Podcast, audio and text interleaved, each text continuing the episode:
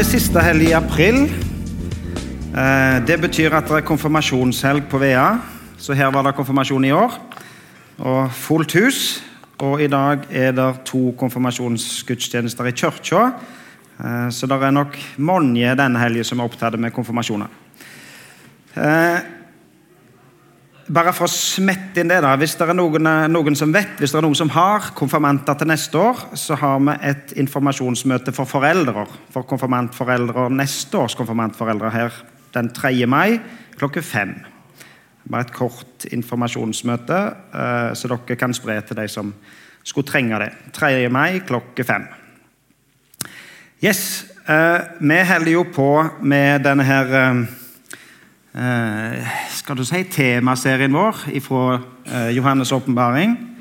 Eh, og I dag er vi kommet til kapittel 2 og vers 12. Og Jeg har skrevet en overskrift. Den var for så vidt ikke så vanskelig å finne, for den står liksom vanskelig å komme utenom. Men overskriften har jeg sett at 'Jesus vet hvor du bor'. Eh, og Så skal vi lese teksten, og så tror jeg du ser hvorfor jeg har skrevet det som overskrift. Eh, Vers 12. Skriv til engelen for menigheten i Pergamon. Dette sier han som har det skarpe, tveeggede sverd. Jeg vet hvor du bor, der hvor Satan har sin trone. Likevel holder du fast ved mitt navn, og du har ikke fornektet troen på meg. Ikke engang i de dager da Antipas, mitt trofaste vitne, ble slått i hjel i byen deres, der Satan bor. Men noe har jeg imot deg. Du har hos deg noen som holder seg til Bileams lære, han som lærte Balak å sette en felle for israelsfolket, så de spiste avgudsoffer og drev hor. Så har du også noen hos deg av samme slag, de som holder seg til nikolaitenes lære. Vend om, ellers kommer jeg snart til deg og vil kjempe mot dem med sverd, sverdet som går ut av min munn. Den som har ører, han hør hva Ånden sier til menighetene. Den som seirer, vil jeg gi av den skjulte mannen.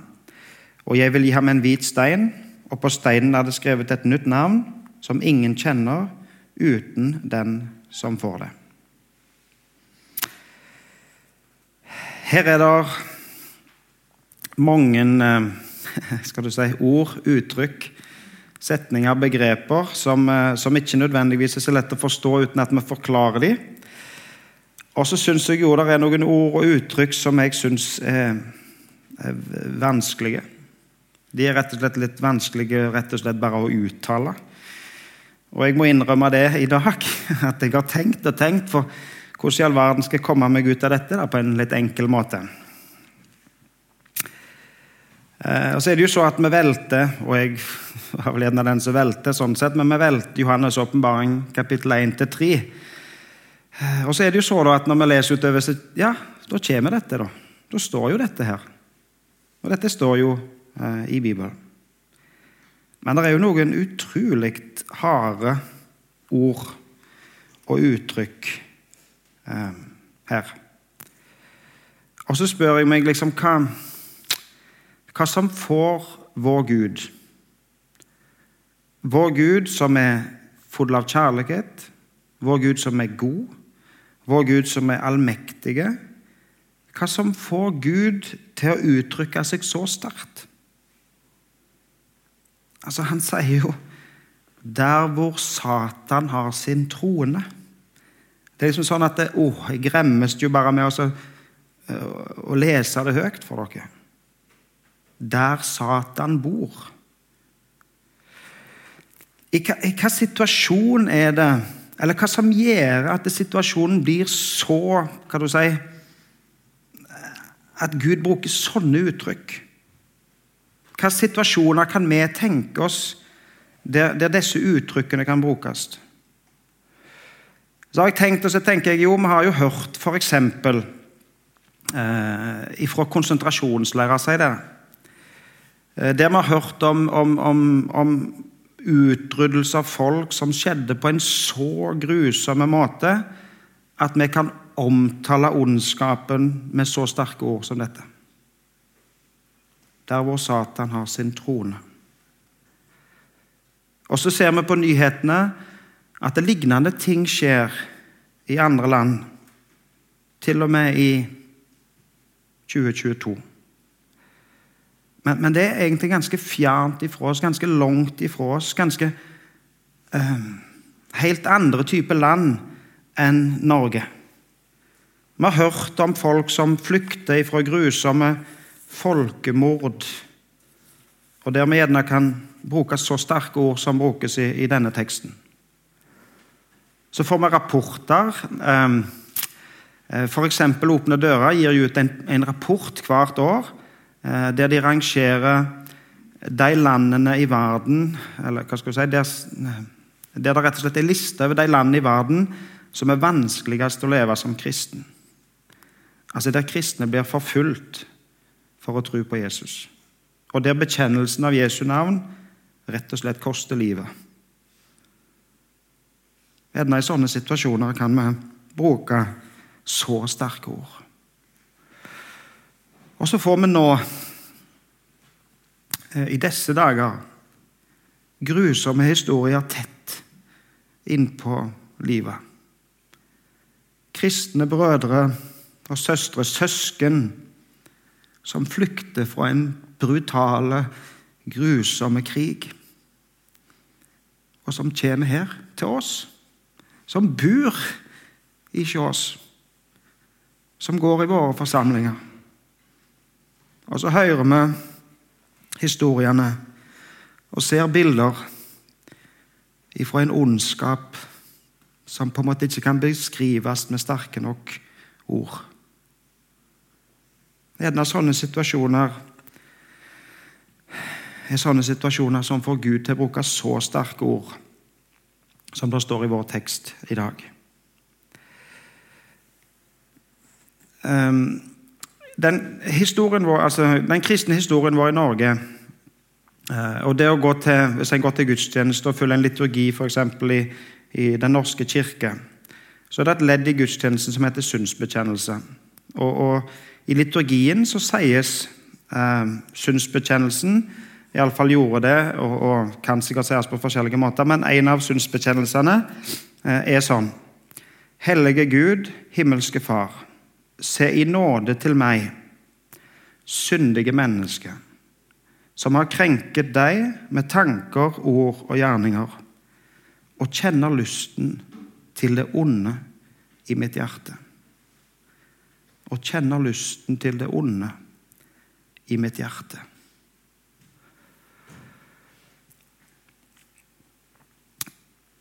Gud bruker i denne teksten utrolig sterke ord for å beskrive ondskapen. Og så kjenner vi eksempler på fra verden i 2022 der vi nok kan bruke så sterke ord som å si 'der hvor Satan har sin trone'. Og hva betyr det at Satan har sin trone? Ja, ja Det betyr jo at han, han, sitter på tronen. Hva betyr det å sitte på tronen? Ja, Det betyr jo å ha makt, ikke sant? Og så blir spørsmålet til oss hvem sitter på tronen? Altså, Hvem er herre, hvem er sjef? Hvilke krefter er det som regjerer? Og Hvis vi skal ta disse ordene inn til oss, så må vi spørre hvilke krefter slipper vi da til i livet vårt? Hvilke krefter lar vi komme inn eh, og påvirke livene våre? I vår tekst så står Jesus fram. Altså her tales det et billed, med et billedspråk, og så, og så eh, eh frem, står Jesus fram Eh, med et tveegga sverd. Et skarpt, tveegga sverd. Og så eh, sier han 'Jeg vet hvor du bor'. Og, og, jeg tenker, vet ikke hva du tenker, med hva assosiasjoner du får, men jeg får liksom den assosiasjonen at, at hvis du gjør noe galt, så vet de hvor du bor. ikke sant? Altså Litt sånn negativt. Og så har du gjerne ja, et, et balltre, eller hva du skal si, ikke sant? og så sier jeg 'jeg vet hvor du bor', bare pass deg. Oppfør deg fint. Um, men det som, det som, beskrives i Johannes' åpenbaring, er ikke et sverd som Jesus holder i hånda. Det, det, er ikke et balltre som skal brukes med makt, hvis du skjønner. Men beskrivelsen tidligere i Johannes' åpenbaring sier at dette sverdet det holder ikke Jesus i hånden, men det går ut ifra hans munn. Det er faktisk ordet hans som er dette sverdet. Det er faktisk ordene hans som har makt. Guds ord. Sannhetens ord. Sannhetens ord har makt. Og Jesus beskriver sitt rike som et rike som ikke er av denne verden, men et rike som er annerledes. For i denne verden så holder vi sverd i hånden, ikke sant? Og vi tar til oss makt, vi river til oss makt. Og så skjer det med tvang. Men i Guds rike så er det annerledes. I Guds rike så har han all makt. Rett og slett fordi han er den allmektige. Ikke av tvang, men rett og slett i kraft av det ordet som går ut ifra hans munn. For hans ord har all makt. I skapelsen så talte Gud ordet sitt. Og de ordene han talte, de skapte himmel og jord. Ordene hans har all makt. Det skapte liv, skapte oss. Og til og med inn i vårt liv i dag så taler Gud. Og hans ord skaper liv i deg. Skaper tru. Skaper nytt liv. Liv i Han. Og når han da står fram i vår tekst med sverdet i sin munn og sier 'jeg vet hvor du bor', så er det ikke som en så er det ikke for å skremme, men det er for å gi trøst for å si til oss på en kjærlig måte og si 'Jeg vet hvor du bor'. Jeg vet hva som skjer i denne verden. Jeg vet hva, hva krefter som regjerer i denne verden. Men jeg har kontroll. Jeg har all makt. Og Jesus vet til og med at vi kjenner lysten til det onde i våre hjerter. Men han kommer til oss med sitt ord og sier at 'mitt ord har all makt'. Mitt ord kan skape liv i ditt hjerte, i ditt liv. Og Så fortsetter teksten vår med å gi ros. Ehm, han, han gir ros til denne menigheten, eh, Jesus. Og han roser dem for å holde fast på hans navn. Han roser dem for å, for å bekjenne Jesu navn og for å gjøre det midt i all denne ondskapen. I en verden, i et samfunn med så mye ondskap, ehm, så har disse som bor i denne byen, ikke fornekta sin tro på Jesus. Og det får de ros for ifra Jesus. Men så sier Jesus også samtidig pass på, vær forsiktige. Pass på, for ondskapen sniker seg inn til og med inn i den flokken av kristne. Til og med de som var samla der eh, i Pergamon. Til og med der så, det, så vil ondskapen snike seg inn og si det kan jo ikke være så nøye. Gud ser nok ikke så alvorlig på det. Vi må jo tilpasse oss litt samfunnet vårt. Og så lurer, har jeg lurt litt på og sett litt på eh, Hva var det de gjorde, da, de som bodde i denne byen? Disse kristne i Pergamon som, som gjorde at eh, Jesus sier at dette ikke var godt. Hva var det de gjorde som ikke var godt?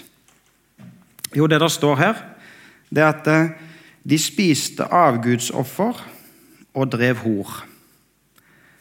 Og så høres det ut som en språkbruk som er avleggs og som er gammeldags, og som sikkert passet for 2000 år siden, men som ikke passer i dag.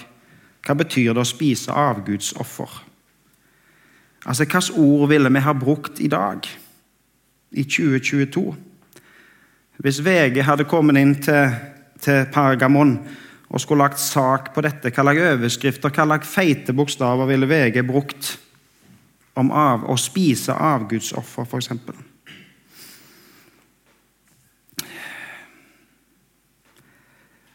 Disse, det ser ut som, i alle fall, som om disse kristne i denne byen deltok eh, på eh, type fester som en ikke kunne, eh, som en ikke burde, som ikke var godt for dem, rett og slett. Vet ikke hva VG ville brukt. Fulle fest, vet ikke hva ordet ville vært i en sånn. Og hva betyr det å drive hor? Jo ehm, Jeg vet ikke vårt ord gjerne som handler om utroskap og den type ting. Det var jo det som skjedde der da, i Pergamon. Men hva forteller det oss i dag? Vi lever jo tross alt i 2022. Det er jo lenge siden dette her. Verden er jo annerledes nå.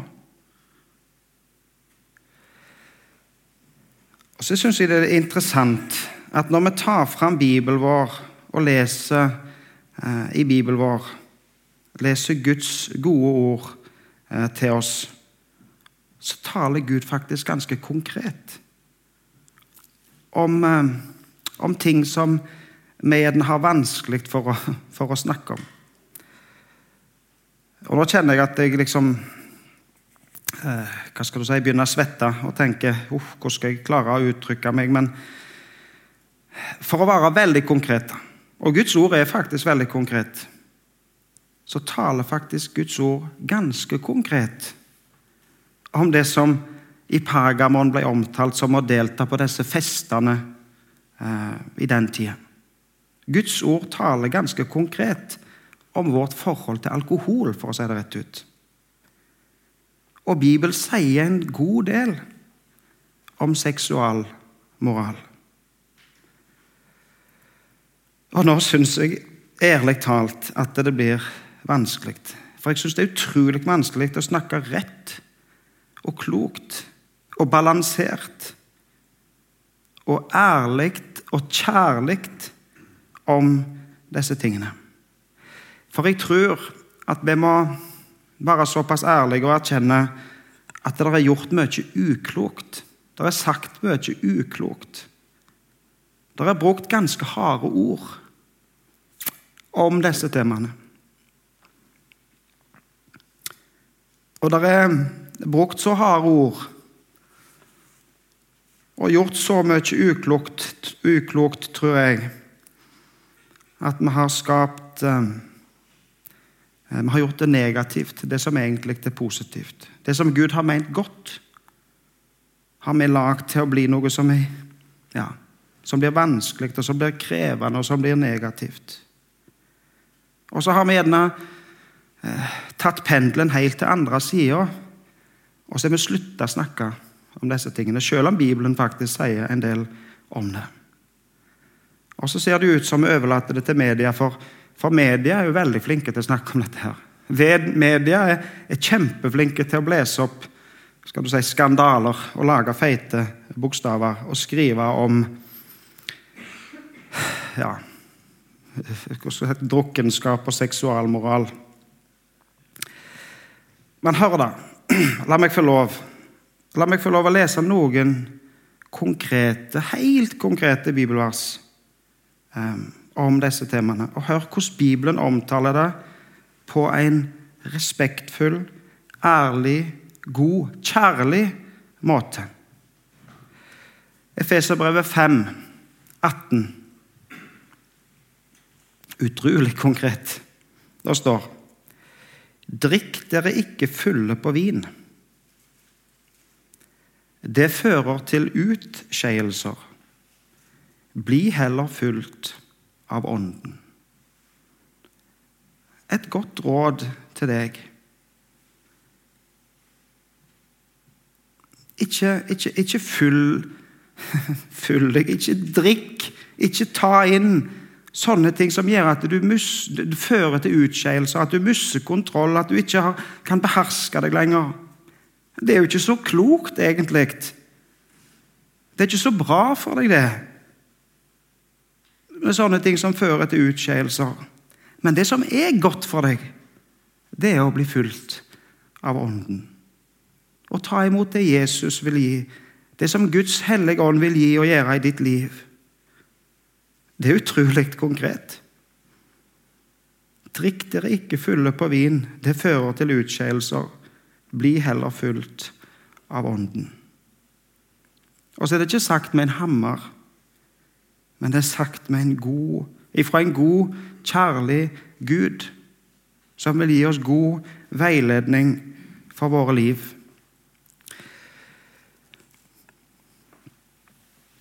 Hva sier Bibelen om seksualmoral? Nå skal ikke jeg gå langt inn, men jeg, tenkte, la meg lese to bibelvers. For å, for å, for å vise dere eh, Eller for å eh, skal du si, gi noen eksempler på hvor konkret eh, Bibelen taler om dette. 1. Korinterbrev 7,2 sier Men for å unngå hor skal hver mann ha sin kone, og hver kvinne sin ektemann. Bibelens ord, gode veiledning til oss. Hver mann har sin kone, hver kvinne sin ektemann. Enkelt, godt, god veiledning inn i våre liv. Første Tessalonikerbrev 4, fra vers 3, så står det For dette er Guds vilje Husk at når det står Guds vilje, så er det Guds gode vilje for oss. Dette er Guds gode vilje. At dere skal være hellige, så dere holder dere borte fra hor. Hver av dere skal vite å vinne seg sin egen kone i hellighet og ære, ikke i sanselig begjær. er det litt gammeldags språk. Men det er ganske respektfullt og ganske fint. Balansert. Hver av dere skal vite og vinne seg sin egen kone. Eller mann, da. I hellighet og ære. På en god måte. Og det er Guds vilje. Guds gode vilje. Han som vil det beste for oss. Han som vil oss det aller, aller, aller beste. Så det fins faktisk i Guds ord til oss vi, vi, snakker ikke rett og sant om Guds ord hvis vi sier at dette her er avleggs. Eller dette ikke, eh, kan ikke brukes i, i moderne Norge, f.eks. Det, det er faktisk Eh, gode ord, Guds ord, Hans ord, til oss i 2022. Vi bruker jo ikke sånne ord som, som i denne teksten. her. Da. Vi bruker jo ikke sånne, sånne, ord som er vanskelige å uttale, som jeg sier. Altså der hvor Satan har sin trone. Det var nok før det. på en måte. Det var nok for 2000 år siden at de brukte sånne uttrykk. Vi er jo kommet lenger enn det. Det kan hende vi er kommet lenger enn det. Og kan hende vi er kommet så langt at vi på en måte ikke, ikke engang våger å snakke om ondskapen, eller omtaler ondskapen så konkret som Bibelen omtaler ondskapen. Men man må ikke lure, må ikke lure oss sjøl og tro at verden er kommet så langt at det ikke fins ondskap. For ondskapen er den samme. Og ondskapen regjerer til og med i vår verden. Og hvis vi våger å innse det, så kjenner vi faktisk på det i vårt eget hjerte.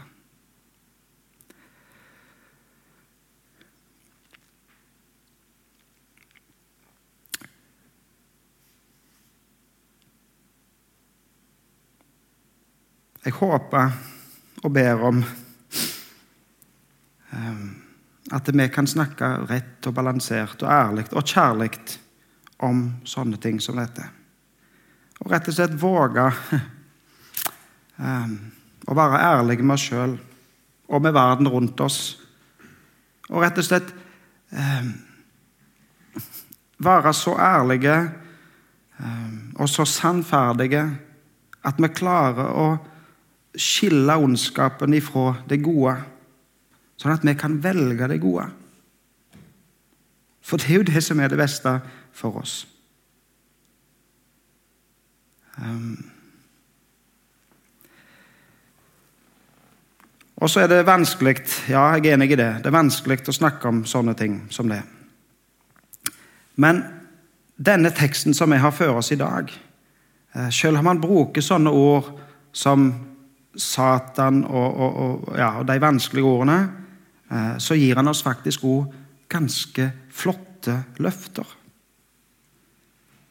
Løftene i teksten vår i dag eh, sier 'den som har øre, han hører'. Den som har øre, han hører hva Ånden sier. Det er jo klart at Dette er ikke snakk om de ørene som sitter fysisk på, på hver sin side av hodet vårt, men dette er snakk om de ørene som er inne i, inni hjertet vårt, sier det, eller i sjelslivet vårt, åndslivet vårt. Den som har øre, han hører hva Ånden sier. Altså, Vi må rett og slett ta imot Hans ord. Hans budskap. Det sverdet som går ut ifra hans munn. Så at vi kan få lov å ta imot det som han vil gi oss.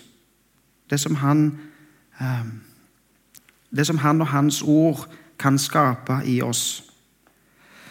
Jeg har lyst til å lese et ord fra Filipperbrevet 2, eh, og fra vers 12 og 13. Og egentlig, hvis jeg skal, hvis jeg skal prøve å lage et minnevers fra dagen i dag, så tror jeg jeg ville valgt Filipperbrevet 2,13. Du kan prøve å huske Filipperbrevet 2,13. Og så skal jeg lese litt fra vers 12 og vers 13.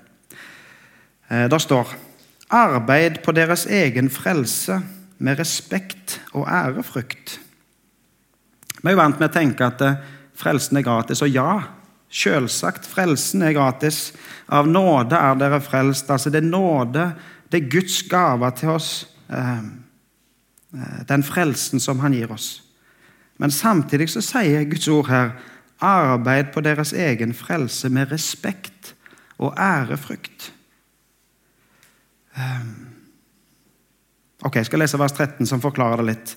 For det er Gud Det er Gud som er virksom i dere, så dere både vil og gjør det som er etter Guds gode vilje. For et løfte! Det er Gud som er virksom i dere, så dere både vil og gjør det som er etter Guds gode vilje. Guds gode vilje. Hans gode vilje for oss og våre liv. Og så har han sagt, 'Her står jeg med all makt.' Gud tilbyr all sin makt sitt tvega sverd, sitt ord, inn i våre liv, sånn at vi kan få lov å gjøre, og til og med ville, det som er Guds gode vilje. Det er Gud som er virksom i dere, så dere både vil og gjør det som er etter Guds gode vilje. Og han vil gi sine gode gaver sin gode vilje inn i våre liv. Og Det siste som sto i teksten vår, er jo sånn der billedspråk. For hva vil han gi? Jo, vil han, han vil gi manna, og han vil gi en hvit stein, og han vil gi et nytt navn. Tre ting i den teksten vår i dag. Han vil gi manna og en hvit stein og et nytt navn. Hva er manna? Hva er det et bilde på? Jo, manna var jo den maten som israelsfolket fikk når de gikk i ørkenen, der som det faktisk ikke var mat. Så sendte Gud mat rett ifra himmel ned til folket. Og Gud vil gi oss i dag mat for våre kristenliv, for våre liv. Mat ifra Gud. Og så vil han gi oss en hvit stein. Og hva betyr det eh, Hva betyr det hvite? Jo, det betyr jo det som er rent det som er gjort rent, det som er tilgitt, det som er rettferdiggjort. Han vil gi oss tilgivelse, rettferdighet. Og så vil han gi oss et nytt navn. Han vil gi oss et nytt liv. Han vil gi oss et evig liv. Et evig liv ikke han. Det vil Gud gi. En, en vanskelig tekst. Mange harde, vanskelige ord, men òg mange flotte løfter. Løfter om Gud som vil gi, og som vil være med oss, og som har all makt inn i våre liv. Skal vi be. Kjære Jesus, takk for ordet ditt. Og Jesus, må du, må du lære oss, må du undervise oss, må du gi oss å se at ditt ord er godt for oss, til og med når vi syns at det er vanskelig. Jesus, hjelp oss å se din kjærlighet. Hjelp oss å se din vilje, din gode vilje for oss og våre liv. Jesus, takk at du gir oss sånne gode, konkrete eh, råd inn i våre liv. At du viser oss veien. Takk, Jesus, at du er veien. At vi skal få lov å leve livet vårt i lag med deg. Takk at du er virksom i oss, så at vi kan få lov å leve eh, etter det som er din gode vilje. Jesus ber om at du må velsigne søndagen for oss. Takk for søndagsskolen og de som er der. Må du være med dem og velsigne dem. Og må du eh, være med oss i ditt navn. Amen.